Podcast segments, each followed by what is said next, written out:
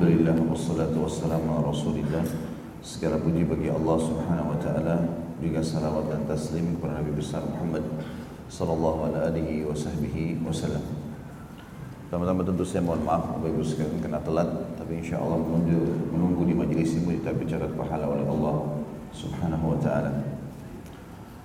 Masih membahas kitab tazkirah Dan kita masuk ke judul baru Suasana kehidupan di alam kubur namun sebelum saya lebih jauh lagi membahas, kembali saya mengingatkan bahasan kita dalam kitab Tazkirah ini ditulis oleh Imam Qurtubi. Dan memang keadaan para ulama kalau kita rentet secara histori dari zaman dulu, misal kalau kita langsung saja masuk ke empat imam, Imam Malik, Imam Abu Hanifah, Imam Syafi'i dan Imam Ahmad yang sangat masyhur, empat imam madhab, maka kita akan lihat ada di antara mereka dan ulama-ulama lain juga umumnya seperti itu. Yang menonjol di bidang tertentu tapi tidak menonjol di bidang yang lainnya.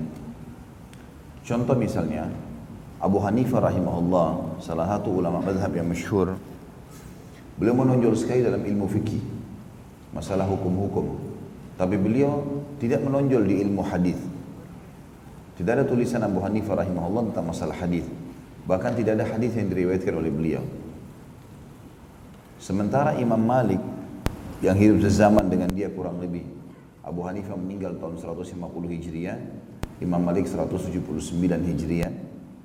Imam Malik rahimahullah menonjol di ilmu fikih, menonjol di ilmu hadis. Maka beliau punya kitab namanya Muwatta. Ya, kitab Muwatta jadi rujukan ilmu hadis. Begitu juga dengan Imam Syafi'i rahimahullah, masyhur dalam masalah uh, fikih. Tapi beliau tidak menonjol di ilmu hadis. Bukan berarti tidak tahu ya. Tahu tapi bukan orang yang menonjol sebagaimana menonjolnya yang lain. Imam Ahmad terbalik lagi. Mirip dengan Imam Malik, menonjol di ilmu fikih, menonjol juga di ilmu hadis. Sampai Imam Syafi'i rahimahullah berkata kepada Imam Ahmad, "Hai Ahmad, engkau lebih mengetahui tentang ilmu hadis daripada kami, maka kalau sampai kepadamu hadis-hadis yang sahih sampaikanlah kepada kami."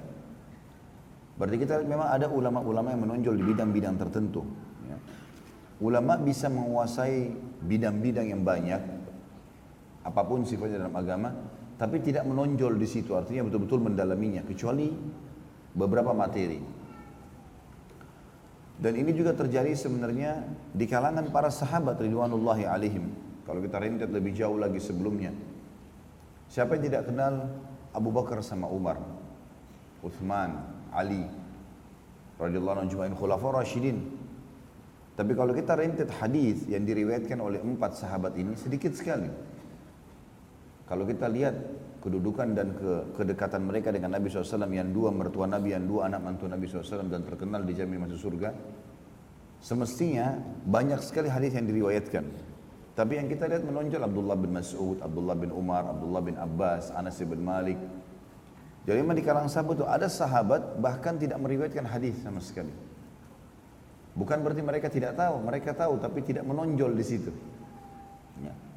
Maka ini yang perlu kita rentetkan atau kita jelaskan dulu. Kenapa? Kenapa saya sampaikan ini Bapak Ibu sekalian? Agar kita faham, seperti Imam Qurtubi rahimahullah yang sedang kita bahas buku beliau ini, beliau menonjol sekali dalam ilmu tafsir. Tafsirnya luar biasa, namanya tafsir Qurtubi. Ilmunya sangat luas dan diakui, namanya tafsirul ahkam. Jadi, Al-Jami' li Ahkam Al-Quran judulnya gabungan hukum-hukum Al-Quran. Jadi beliau menggabungkan antara tafsir dengan fikih. Dan itu kalau kita baca misalnya dituliskan oleh beliau satu ayat, lalu di bawah dikatakan dari ayat ini ada delapan masalah, ada sepuluh permasalahan fikih, ada dua puluh masalah fikih. Lalu beliau rincikan satu persatu, itu ciri khasnya. Tetapi Imam Qurtubi rahimahullah tidak menonjol dalam ilmu hadis. Jadi beliau tidak menonjol ilmu hadis. Dan salah satu buku yang beliau tulis tentang masalah akhirat ini Masyhur sekali bukunya. Tetapi karena beliau tidak menonjol dalam ilmu hadis, cukup banyak hadis yang kita temukan nanti yang setelah ditelusuri oleh para ulama ternyata hadisnya lemah. Bahkan ada di antaranya hadis maudhu. Ya. Tapi sekali lagi ini bukan berarti aib buat beliau. Kecuali kalau beliau sengaja memuat itu sementara beliau tahu itu maudhu atau itu dhaif. Lalu kok bisa Ustaz sekarang banyak ulama seperti penulis atau pentahkik buku ini. Buku ini ada pentahkiknya ya. Tahkik artinya orang yang menelusuri khusus ayat-ayat Al-Quran dan hadis-hadis Nabi yang ada di buku ini. Beliaulah yang akhirnya menulis footnote di bawah ini. Hadis ini lemah, hadis ini sahih. Ya. Ini pentahkik ini yang hidup di zaman sekarang tentu lebih mudah untuk menelusuri buku. Sekarang kita bisa ada satu uh, salah satu aplikasi yang sangat menarik namanya Maktabah Syamilah. Hampir semua dai tahu masalah ini. Kalau mereka berbahasa Arab pasti mereka tahu buku ini. Jadi biasanya dulu di zaman beberapa tahun yang lalu dalam bentuk DVD. Sekarang sudah masuk ke masalah aplikasi. Dalam satu DVD atau satu aplikasi itu ada ribuan kitab dalamnya. Hampir semua buku hadis ada, hampir semua buku fikih ada, semua madhab ada. Empat madhab itu semuanya ada. Saya punya, itu ribuan kitab dalamnya. Jadi kita cuma pasang di laptop saja, bisa baca semua buku. Nah ini yang mempermudah sekarang banyak pentahkik-pentahkik yang datang karena buku-buku sudah banyak, jadi mereka bisa mempertemukan satu kitab dengan kitab yang lain dan mengetahui hadis ini lemah atau tidak gitu. Karena ada orang salah faham, orang mengatakan masa sih yang sekarang ini mengkritik ulama yang dulu. Sebenarnya bukan masalah mengkritik, tapi mereka menelusuri jalur-jalur ternyata ditemukan memang ini keliru. Dan itu bukan aib bagi ulama yang dulu ya, karena bisa saja orang mendengar sesuatu lalu dia belum memastikan tentang kesohihannya, lalu dia mengatakan saya mendengarkan begini. Sebagaimana kita sudah bacakan pada pertemuan yang sebelumnya, Imam Qurtubi rahimahullah mengatakan saya juga mendengar, saya juga mendengar. Ya. Jadi pendapat yang beliau dengar. Maka jangan heran dalam buku kita akan ada beberapa riwayat yang sahih ada riwayat yang kita luruskan dan diluruskan oleh para pentahkik ini. Dan karena kita kajian kitab maka kita harus membaca semua sambil kita jelaskan. Ini hadisnya lemah, ini hadisnya maudhu dan itu menambah wacana kita sebenarnya. Ya. Sekaligus juga kita luruskan atau menambahkan dengan kalau ini ada riwayat sahih menjelaskan seperti ini. Ini yang saya ingin sampaikan sehingga jelas dulu ya. Baik kita masuk ke bahasan kita. Semoga Allah berkahi suasana kehidupan di alam kubur. Pada bab ini kata Imam Qurtubi rahimahullah diterangkan bahwa arwah orang-orang mati saling mengunjungi sesamanya di alam kubur mereka dan saling memuji kain kafan yang dipakai masing-masing. Imam Muslim meriwayatkan dalam sebuah hadis yang sahih dari Jabir bin Abdullah radhiyallahu anhu dari Nabi sallallahu alaihi wasallam, "Idza kaffana ahadukum akhahu falyuhsin kafanahu in istata'." Apabila seseorang dari kalian mengkafani saudaranya, maka perbaikilah kafannya semampu mungkin. Maksudnya pilih yang terbaik. Ya kalau kita mungkin sekarang kain baru ya, kain baru. Disebutkan oleh Abu Nasir Abdullah bin Sa'ad bin Hatim Al-Wa'ili As-Sijistani Al-Hafidh dalam kitab Al-Inabah ala madhab salaf as-salih fil Quran wa izalati syubah. Ya. Dikatakan telah meriwayatkan hadis dengan takhrij dari Jabir radhiyallahu anhu bahwasanya Nabi SAW bersabda, "Perbaikilah kafan mayit-mayit kalian.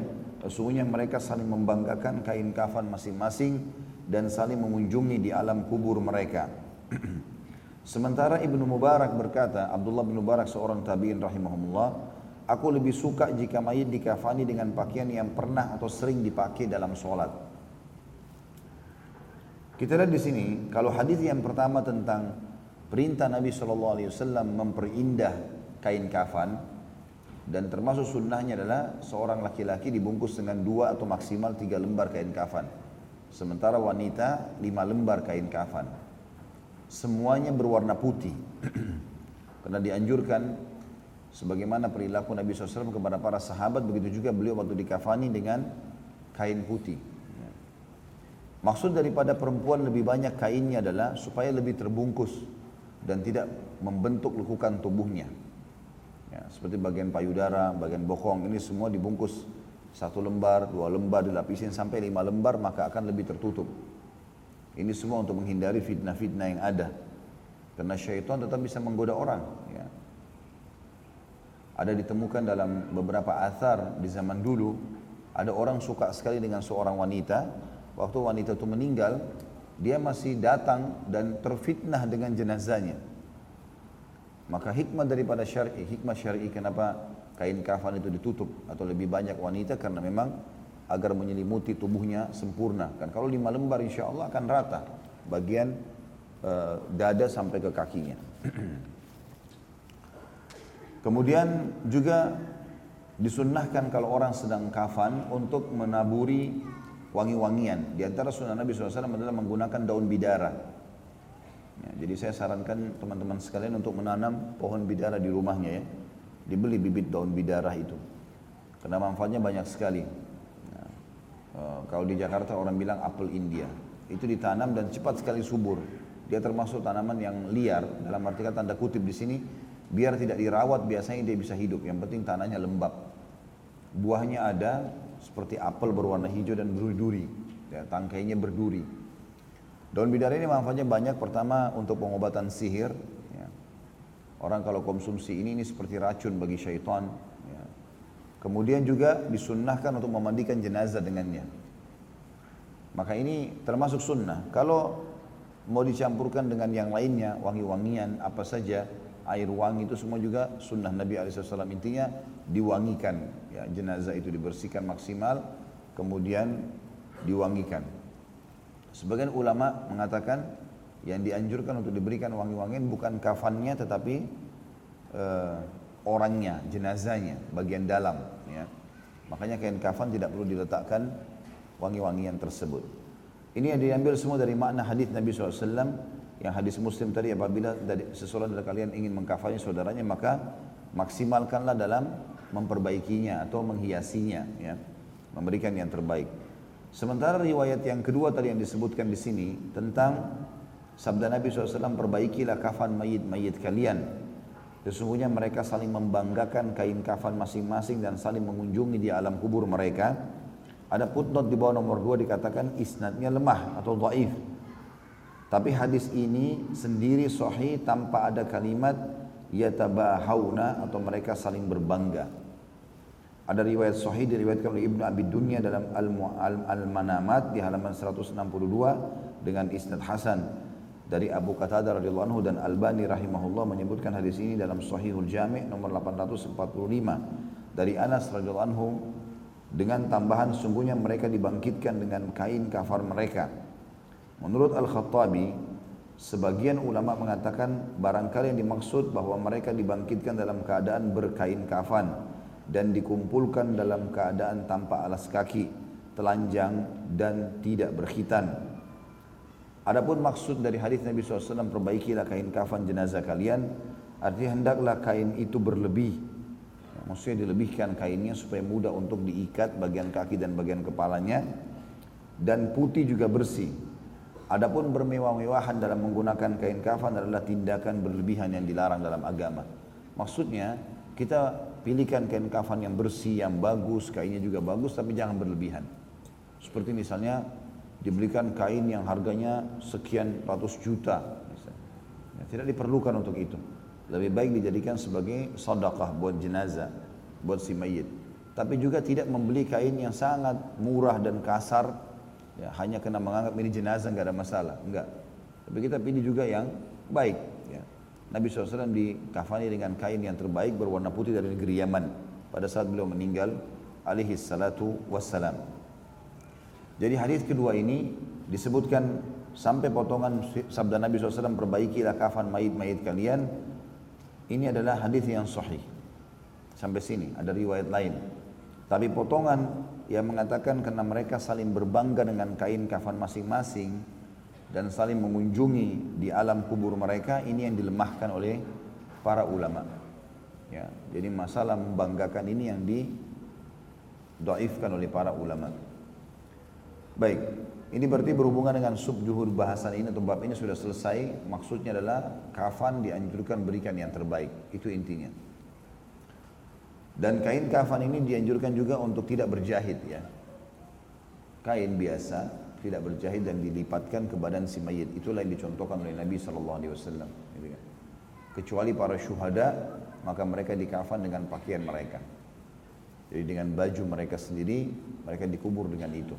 Karena Nabi SAW menunjuk para syuhada Badar dan Uhud untuk dikubur dengan baju-baju mereka. Itu yang ada.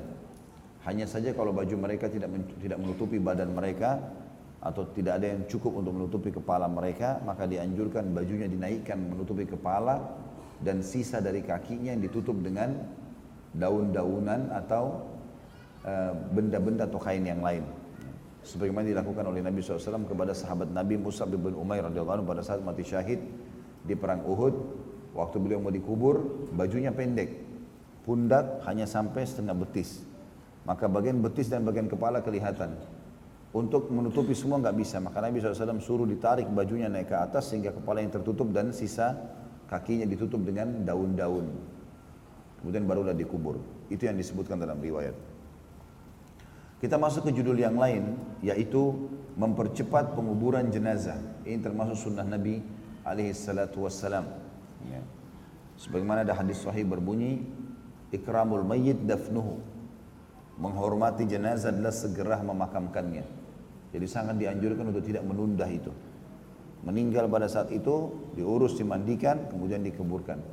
Masalah kasus ada kerabatnya yang belum melihat dia, ada anaknya belum ketemu dari luar negeri harus ditunggu. Ini semua melanggar sunnah Nabi Alaihissalatu Wassalam. Ya. Kalau memang orang tuanya lagi sakit, dia datang lihat. Ataupun misalnya dia tidak sempat lihat pun, dia bisa ziarah kuburnya. Karena syariat kita sudah mengajarkan bagaimana caranya bermuamalah dengan orang yang sudah meninggal. Yang jadi target adalah hadis Nabi SAW. Kalau anak Adam meninggal dunia terputus sumber pahalanya kecuali dari tiga sumber. Sadaqah jariyah, ilmu manfaat atau anak soleh mendoakan. Udah. Orang yang ditinggal langsung lakukan tiga poin ini. Perbanyak sadaqah jariyah buat dia, buat si mayit kalau memang dia sayang sama orang tuanya, anaknya atau siapa saja yang tidak sempat dia lihat jenazahnya pun tidak ada masalah. Apalagi seorang mukmin tahu dan sangat yakin dia akan bertemu lagi dengan si mayit. Karena semuanya orang menuju kepada alam abadi akhirat. Itu keyakinan kita, rukun iman kita yang kelima. Maka berarti orang yang meninggal bukan hilang, tapi dia lebih mendahului saja kita menuju ke akhirat. Maka dengan ini kita harus yakin dan memang harus diyakini oleh setiap muslim kalau kita akan bertemu dengan dia. Tidak mungkin tidak. Asal tiketnya sama, iman dan amal saleh insya Allah akan bersama di surga. Itu sudah jelas. Bahkan orang muslim pun yang meninggal dalam kondisi banyak dosanya, Asal dia bukan kafir, tetap akan masuk surga. Tetap akan ketemu dengan kerabatnya, tetapi dia melalui neraka dulu untuk disiksa. Ya. Jadi sudah jelas, tidak perlu kita berlebihan dalam bersedih pada saat itu ya. Boleh kita meneteskan air mata, merasa kehilangan sebagaimana Nabi SAW menangis pada saat meninggalnya Ibrahim, anaknya alaihissalam dan juga cucunya Umamah. Waktu sahabat tanya ya Rasulullah, apakah anda menangis? Kata Nabi SAW, iya. Ini rahmat yang Allah masukkan dalam hati hamba-hambanya. Lalu beliau berkata, wahai Ibrahim, kami sedih dengan kehilangan kamu. Ya, hati kami bisa lulu, tapi lisan kami tidak akan mengucapkan kecuali yang diridhoi oleh Tuhan kami. Tidak mungkin kami lakukan kata-kata yang kenapa dia mati, kenapa begini, memprotes keputusan Allah. Enggak, kita tidak akan lakukan itu. Kita akan menerima ini sebagai keputusan Allah. Jadi orang muslim harus berpikir ada masalah, solusinya apa. Bukan lagi menanyakan kenapa terjadi. Dia harus ambil hikmah. Kita bangun tidur sakit. Sekarang kalau kita mau tidur sakit, pointernya adalah poinnya di situ kita sedang dicoba sama Allah. Maka solusinya sabar. Terima itu keputusan Allah, lalu ikhtiar cari jalan keluar. Bukan lagi tanya, kenapa bisa saya sakit? Kalau ada ditemukan sebabnya itu jadi sebab saja. Ya. Tapi hikmah Allah sudah terjadi. Sama dengan kalau orang mati. Kenapa dia bisa mati? Apa gunanya kita bertanya? Memang sudah saatnya ajalnya datang. Jadi yang terjadi adalah kalau seorang muslim menghadapi masalah dia pikirkan enam huruf, solusi. Apa saja yang sudah terjadi, pikirkan langsung solusinya. Kata Nabi SAW, kalau terjadi sesuatu pada kalian, sudah terjadi katakan qaddarallahu wa ma syaa fa'al. Allah menakdirkan sesuatu dan Allah kerjakan apa yang dia Allah, Allah lakukan apa yang dia inginkan. Lalu kemudian kita mengucapkan uh, kalimat Eh, kata Nabi SAW, dan jangan kalian ucapkan lau atau kalau seandainya karena itu membuka pintu syaitan. Itu orang lebih gambarannya seperti itu. Jadi kalau ada jemaah jenazah teman-teman sekalian, kita harusnya termasuk ibadah untuk kita, pahala dan penghormatan buat si mayit segerakan. Ya. Sampai di, di beberapa tempat, kalau orang-orang yang sudah faham, keluarganya sudah faham sunnah Nabi SAW ini, maka mereka biar malam hari meninggal dikubur pada malam hari itu. Kecuali memang keadaan tertentu ya, hujan lebat, gelap, nggak kelihatan, segala macam itu lain. Nabi SAW pernah mengubur di tengah malam seorang sahabat yang bernama Abdullah meninggal di tengah jalan pada saat itu. Waktu pulang dari perang Tabuk menuju ke Madinah, meninggallah sahabat tersebut. Maka Nabi SAW menguburnya. Kata Abdullah bin Mas'ud radhiyallahu anhu, Abdullah bin Umar berkata radhiyallahu anhu, aku mendengar ada suara galian di tengah malam di sebelah kemah. Maka aku pun terbangun. Aku bingung itu suara apa. Setelah itu aku melihat ternyata ada tiga orang yang sedang menggali kuburan. Waktu aku mendekati ternyata dia adalah Rasulullah SAW, Abu Bakar dan Umar. Tiga orang. Lalu Nabi kata Abdullah bin Umar, lalu aku melihat mereka mengubur Abdullah, sahabat yang lain itu. Dikubur. Lalu Nabi SAW menurunkan sendiri dengan tangan beliau yang mulia di yang lahat lalu mengatakan ya Allah aku sudah ridho padanya ridhohilah ridhohilah dia maka kata Abdullah bin Umar, aku berharap jadi jenazah itu pada saat itu. Apalagi yang lebih mulia dibandingkan Nabi SAW sendiri yang menguburnya. Tapi saksi bahasan Nabi menguburnya di malam hari. Gitu kan? Di malam hari. Jadi jangan kita yang hidup ini terbawa dengan perasaan. Kasihan, biarkan dulu. Dianya sendiri sudah nggak mau tinggal bersama kita. Nanti akan kita bahas hadisnya ya. Si mayit itu sudah tidak berharap lagi bersama kita di dunia. Dia sudah pindah di dimensi waktu, di alam yang berbeda. Maka dengarkan baik-baik apa yang disampaikan di sini. Mempercepat penguburan jenazah di dunia. Pada bab ini dibahas tentang perintah mengubur jenazah dengan segera. Dan bahwa mayit juga berbicara. Imam Bukhari meriwayatkan dari Abu Sa'id al-Khudri radhiyallahu anhu bahwa Nabi SAW bersabda, apabila jenazah telah dibaringkan lalu diangkut atau diangkat oleh beberapa orang di atas leher atau pundak mereka, maka jika ia orang soleh atau dia orang soleh, dia akan berkata percepatlah aku, percepatlah aku. Dan jika dia bukan orang soleh, maka dia berkata celakalah jasadku. Mau kalian bawa ke mana dia? Suaranya terdengar oleh makhluk apa saja selain manusia. Padahal andaikan manusia mendengar, niscaya mereka akan jatuh pingsan. Hadis ini riwayat Bukhari nomor 1314. Hadis ini tentu menjelaskan kepada kita teman-teman tentang pentingnya menyegerakan jenazah. Gak boleh tunda-tunda dan dia sendiri minta si mayit percepatlah, percepatlah. Ya. Jadi kalau kita dia punya anak sembilan orang, sepuluh orang harus ditunggu semuanya datang. Nah, jenazah harus ditaruh selama tiga hari. Ini bukan tradisi kaum muslimin. Ada yang mengatakan, Ustaz, kan Rasulullah sendiri tertunda. Beda kasusnya, ulama jelaskan. Nabi SAW pada saat meninggal, betul-betul membuat sahabat pun pada saat itu shock. Mereka kaget. Dan mereka masih bingung harus melakukan apa. Umumnya sahabat begitu. Satu-satunya sahabat dalam buku-buku sejarah dikatakan yang tidak panik itu pun tetap sedih Abu Bakar. Umar bin Khattab yang kita kenal dengan keimanannya itu menghenuskan pedang di dekat mimbar Nabi SAW sambil mengatakan siapa yang mengatakan Muhammad telah mati aku penggal lehernya. Umar bin Khattab pun panik pada saat itu. Kan itu. Jadi sahabat semua panik. Maka pada saat Nabi SAW meninggal, beda kasusnya, memang agak terlambat. Karena sahabat bingung, gitu kan. Lalu kemudian pada saat dimandikan pun jenazah Nabi SAW nanti kita atau di bahasan sirah saya ada saya jelaskan masalah bagaimana prosesi kematian Nabi SAW itu. Itu sampai pada saat mereka sudah memandikan pun mereka bingung. Nabi SAW dikafani dengan kain kafan atau dikafani dengan bajunya sendiri.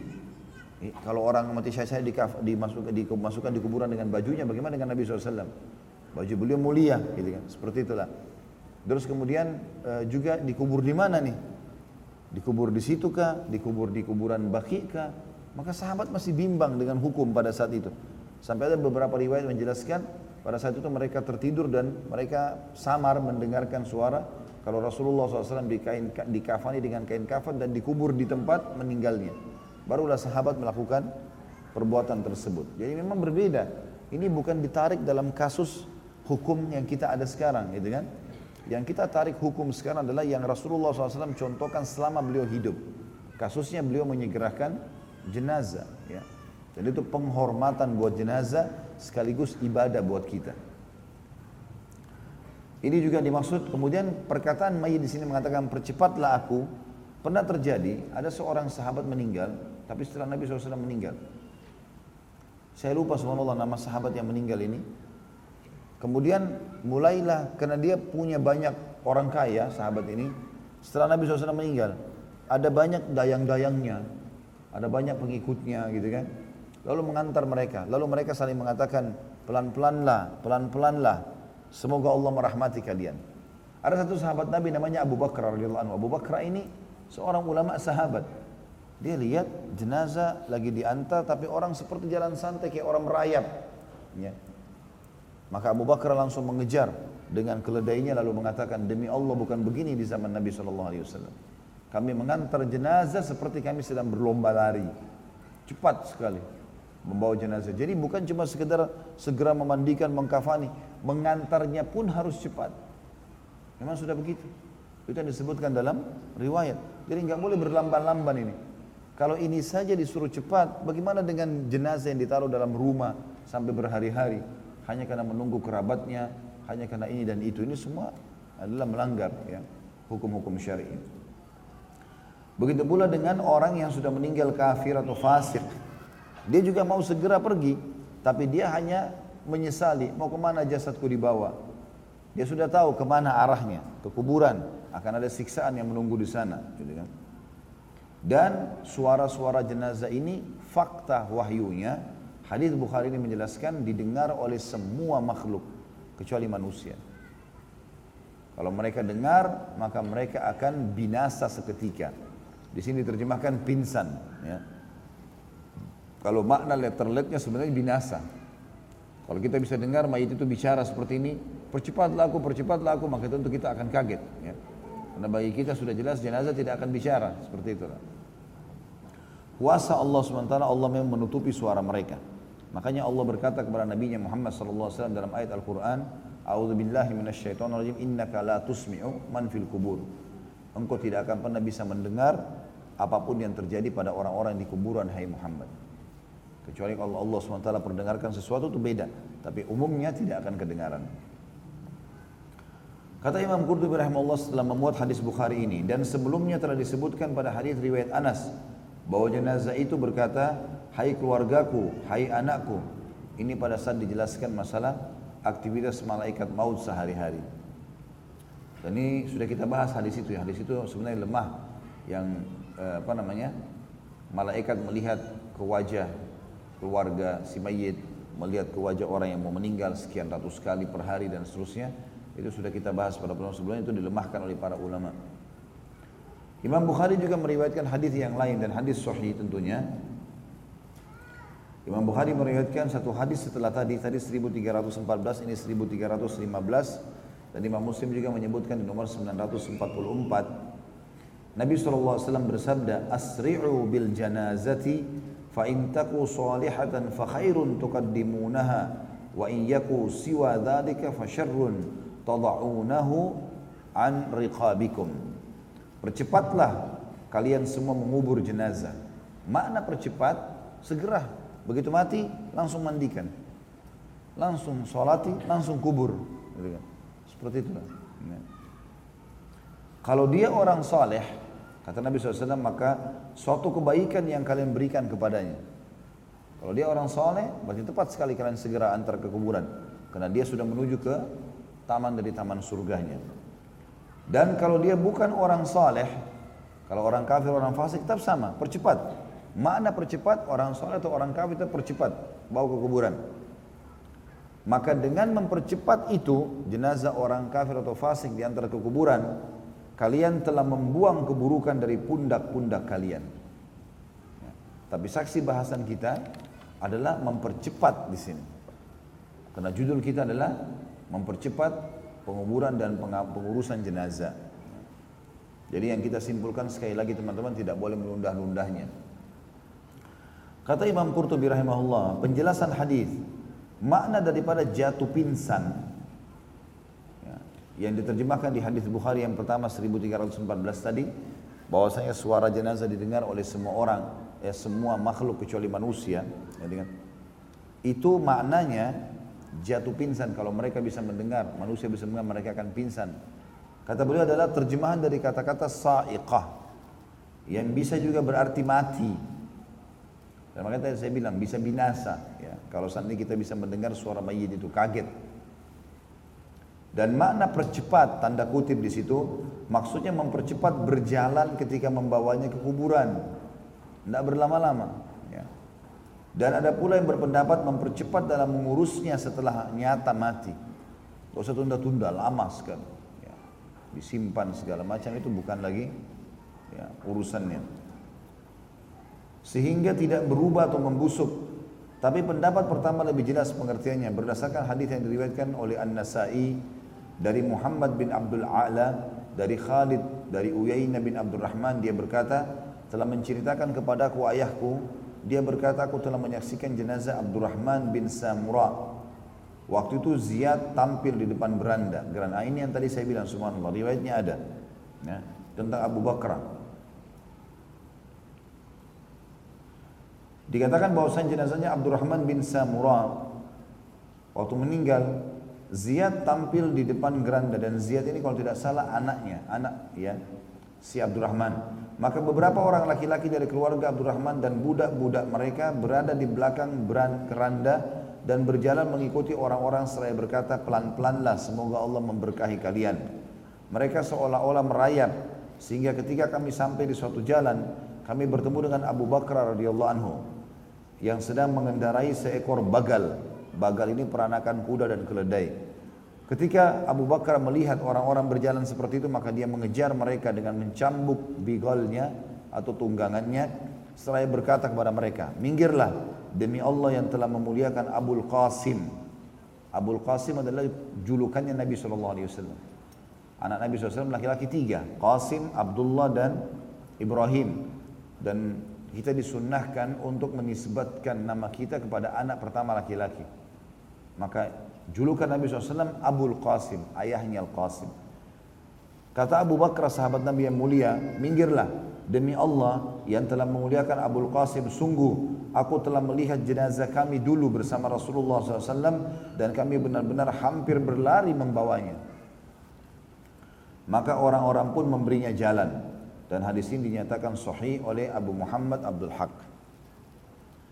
Dan Abu Dawud telah meriwayatkan pula sebuah hadis dari Abu Majidah dari Ibnu Mas'ud radhiyallahu anhu. Dia berkata, kami pernah bertanya kepada Nabi Muhammad atau Nabi kita Muhammad sallallahu alaihi wasallam tentang berjalan membawa jenazah maka beliau menjawab Jangan sampai bergoncang.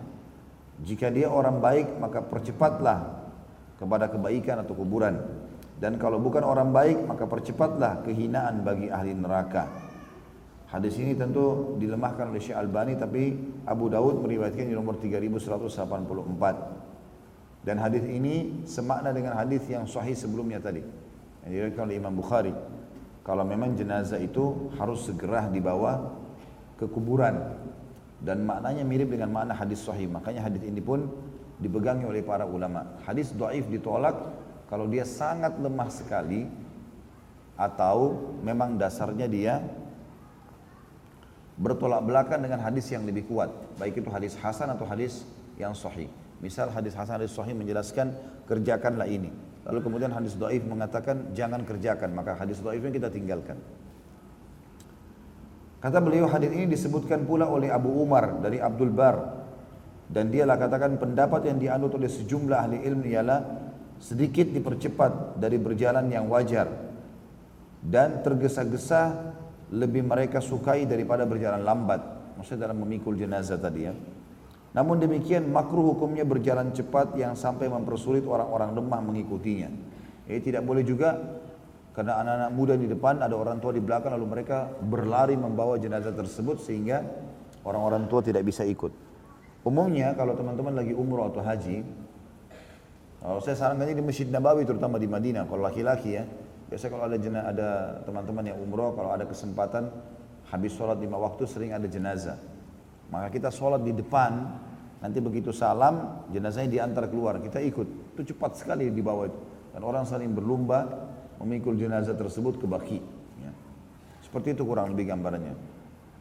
Dan kata Ibrahim An-Nakhai rahimahullah, percepatlah sedikit ketika membawa jenazah. Jangan berjalan merayap seperti yang dilakukan kaum Yahudi dan Nasrani. Orang Yahudi sama Nasrani jalannya melangkah pelan-pelan. Ya. Atau seperti jalannya militer, langkah demi langkah, langkah demi langkah sampai ke liang lahat. Itu tidak terjadi bagi kaum muslimin. Kata beliau yang dimaksud berjalan wajar atau sajiyah ialah berjalan biasa. Maksudnya kita lebih cepat daripada jalan biasa dan tidak juga terlalu berlari yang akhirnya seperti orang yang berlomba lari ya. Jadi di antara keduanya. Itu yang dimaksud dengan pernyataan tadi. Terakhir teman-teman sekalian, kita akan bahas jub, sub bahasannya, judul yang membahas masalah membentangkan kain di atas lubang kubur ketika mengubur jenazah. Dikatakan oleh beliau di sini, Imam Qurtubi rahimahullah, Abu Hadab atau Abu Hadbah Ibrahim bin Hadbah berkata, telah menceritakan kepada kami Anas bin Malik radhiyallahu anhu bahwa Rasulullah SAW pernah mengikuti jenazah. Setelah melakukan sholat atasnya, beliau meminta untuk diambilkan sepotong kain, lalu beliau membentangkannya di atas kuburnya seraya bersabda, ini perhatikan baik-baik ya, kita belum menghukumi hadis. Hadis ini adalah hadis maudhu. Bukan benar dari Nabi SAW ya. Nanti kita akan jelaskan itu. Yang bunyinya adalah janganlah kalian melihat-lihat ke dalam kubur. Sesungguhnya jenazah itu amanah. Barangkali tali kafan terlepas. Lalu seseorang melihat seekor ular hitam yang melilit leher mayit. Sesungguhnya jenazah itu amanah. Barang siapa atau barangkali mayit itu disuruh atau disiksa. Lalu terdengar suara rantainya. Dikatakan di sini hadis ini maudhu. Ya. Untuk nomor satu, Abu Hadba ini adalah pendusta. Sebagaimana telah kami terangkan di atas dan hadis ini disebutkan oleh Ibnu Jauzi dalam Al-Maudu'at. Dan sudah saya jelaskan tadi di awal pertemuan teman-teman, ini bukan aib bagi Imam Qurtubi karena beliau tidak sengaja masalah itu. Kita bersangka baik dengan ulama kita ini.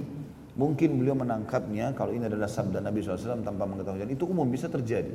Bisa terjadi pada setiap orang bisa terjadi. Yang penting bukan dia tahu lalu dia sengaja menyebarkan. Ya. Abdul Razak telah menyebutkan dari Ibnu Juraij, dari Sya'bi, dari seseorang bahwasanya Sa'ad bin Malik berkata Nabi SAW pernah menyuruh ambilkan kafan. Lalu beliau menutupi lubang kubur ketika mengubur Sa'ad bin Mu'ad radhiyallahu anhu. Sa'ad bin Mu'ad, sahabat Nabi yang meninggal mati syahid setelah perang Khandaq. Kena panah di daerah dadanya, kemudian luka dan mengeluarkan darah beberapa hari. Kemudian beliau juga sempat berdoa, mengatakan, Ya Allah, kalau setelah hari ini tidak ada lagi pertemuan Nabi SAW dengan Quraisy, nggak ada peperangan langsung secara fisik, maka karuniakanlah aku mati syahid. Tapi kalau masih ada pertemuan dengan Quraisy, maka hidupkan dan panjangkanlah umurku. Akhirnya Allah SWT mengabulkan dan saat pun meninggal mati syahid. Dan saat Ibn Mu'adh ini yang kata Nabi SAW waktu dia meninggal, sungguh arsnya Allah goncang dengan meninggalnya Sa'ad. Dan juga hadis Nabi SAW pada saat beliau diberikan baju bludru yang bagus sekali untuk musim dingin, mahal ya, dari wilayah Syam, maka para sahabat kagum pada saat itu. Lalu Nabi SAW mengatakan apakah kalian kagum dengan baju ini? Sementara sapu tangannya Sa'ad ibn Mu'ad di surga lebih bagus daripada ini. Baik waktu saat meninggal radhiyallahu anhu, Nabi SAW sempat menutup dengan kain di daerah lubang kuburnya. Perawi berkata, kata Sa'ad, sesungguhnya Nabi SAW waktu itu turun ke kubur Sa'ad bin Mu'ad dan menutup lubang kubur dengan kain. Dan aku termasuk orang yang memegang kain tersebut. Hadis ini disebutkan oleh sebagian ulama dengan sanatnya lemah. Dan saya sudah kembali ke dua buku yang mentahkik buku ini. Dua-duanya menyebutkan tentang kelemahan riwayat ini. Maka sebagian ulama mengatakan ini sebaiknya tidak diamalkan. Apa ini maksud dengan meletakkan kain? Jenazah pada saat sudah turun, gitu kan, dimasukkan ke liang lahat, ditutup lagi dengan kain. Itu maksudnya. Ya. Tapi bukan berarti di sini sebagian orang memahami kalau sementara diturunkan jenazah ditutup dengan kain di area atasnya. Makna di sini adalah betul-betul ditutup jenazah itu dengan kain lagi di bagian bawah. Itu maknanya. Kalaupun riwayat ini disahihkan oleh orang. Tapi sebagian ulama mengatakan karena ini lemah maka tidak diamalkan dan dicukupkan dengan riwayat sahih yang menjelaskan Nabi SAW menurunkan jenazah para sahabat lalu menutupnya, membuat lahat. Lahat itu gali dulu ke dalam lalu kemudian dibuat lagi ke dalam. Ini dalamnya ini namanya lahat. Cukup untuk ukuran jenazah. Dimasukkan kemudian ditutup dengan potongan-potongan batu. Itu yang paling umum riwayat sahih menjelaskan masalah itu. Tapi kalau menutupnya lagi dengan kain ini masih lemah riwayatnya. Maka sebagian ulama mengatakan yang amannya ditinggalkan. Sebagian lagi mengamalkan ini.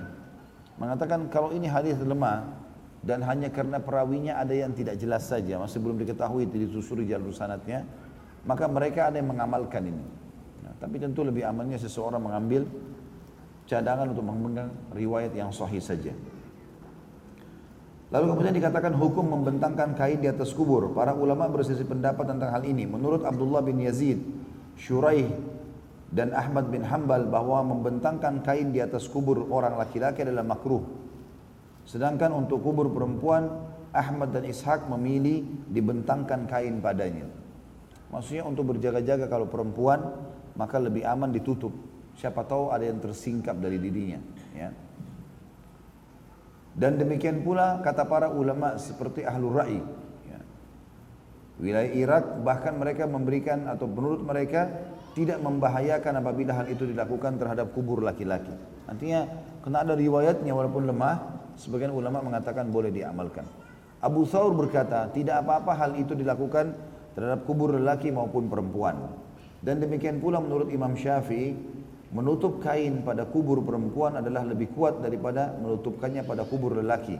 Demikian pula, demikian pula juga disebutkan oleh Ibnu Munzir. Di dalam madhab Syafi'i malah dianjurkan kalau perempuan ditutup lagi dengan kain. Tentu di sini saya bilang perselisih pendapat tentang masalah juga apakah yang dimaksud jenazahnya dibawa lalu ditutup lagi dengan kain atau dari atasnya, gitu kan. Maka yang lebih kuat adalah di dalam. Dikatakan juga menutup kain pada kubur lelaki maupun perempuan adalah dikarenakan adanya suatu alasan yang terdapat dalam hadis riwayat Anas, yaitu mengikuti apa yang telah dilakukan oleh Nabi Shallallahu Alaihi Wasallam ketika menutupi Sa'ad bin Mu'adz radhiyallahu anhu. Kata beliau, wallahu alam. Ya.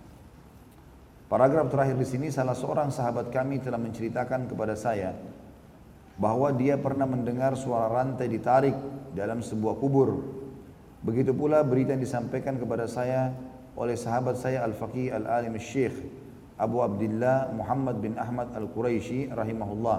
Bahwa ada seorang pejabat pemerintah meninggal di Konstantinopel maka digalilah kubur untuknya.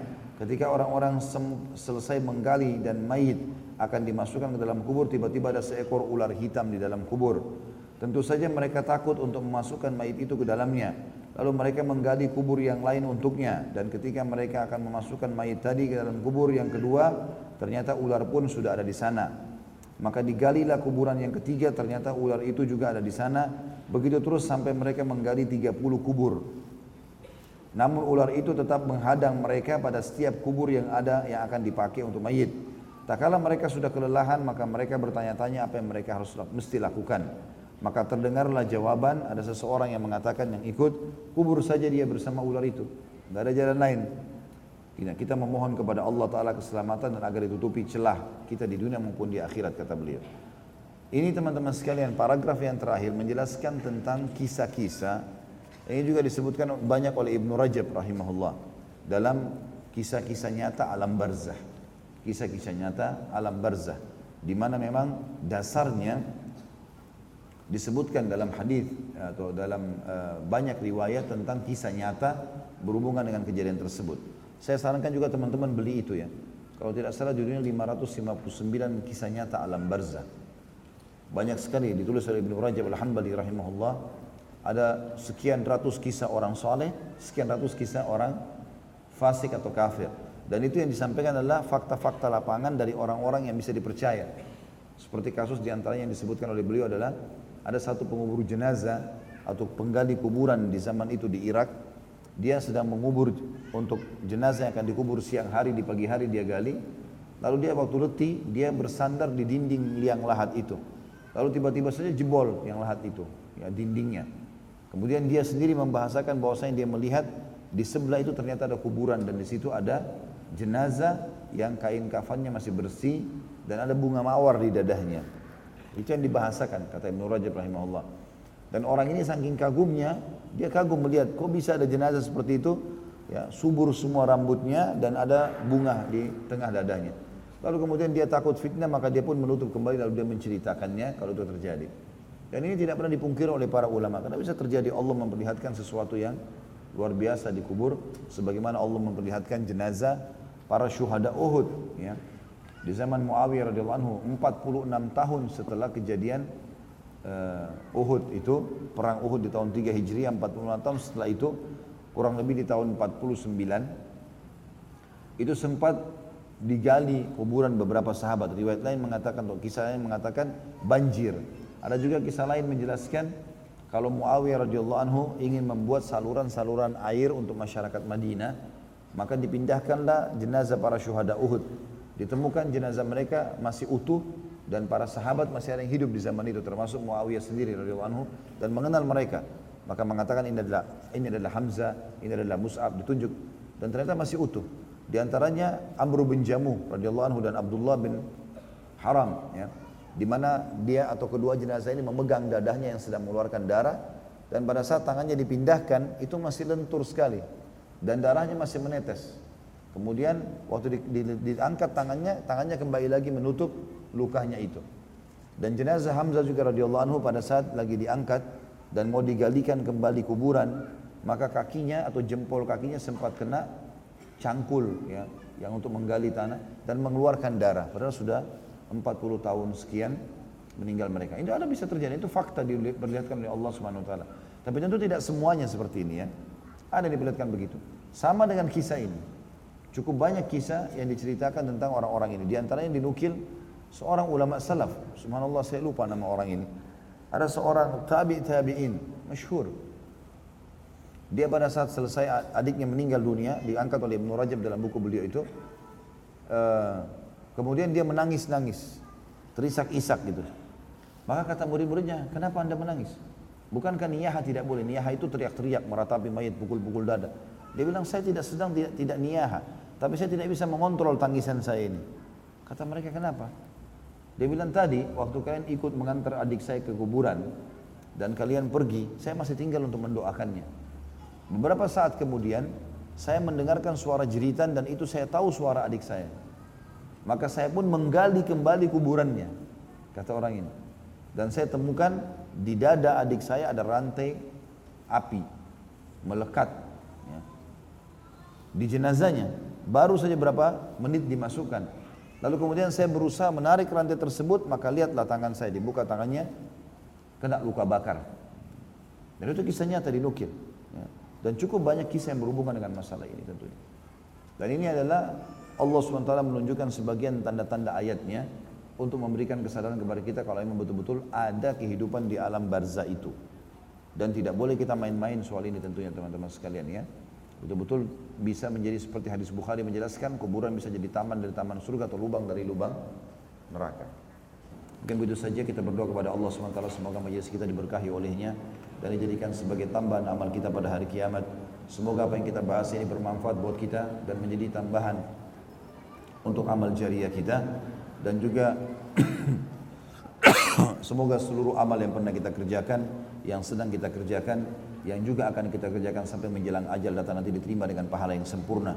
Dan selalu kita berdoa agar seluruh dosa yang pernah kita kerjakan sekecil sampai sebesar apa pun sengaja tidak sengaja samar ataupun nyata semuanya diganti oleh Allah dengan kemahamurahnya menjadi pahala.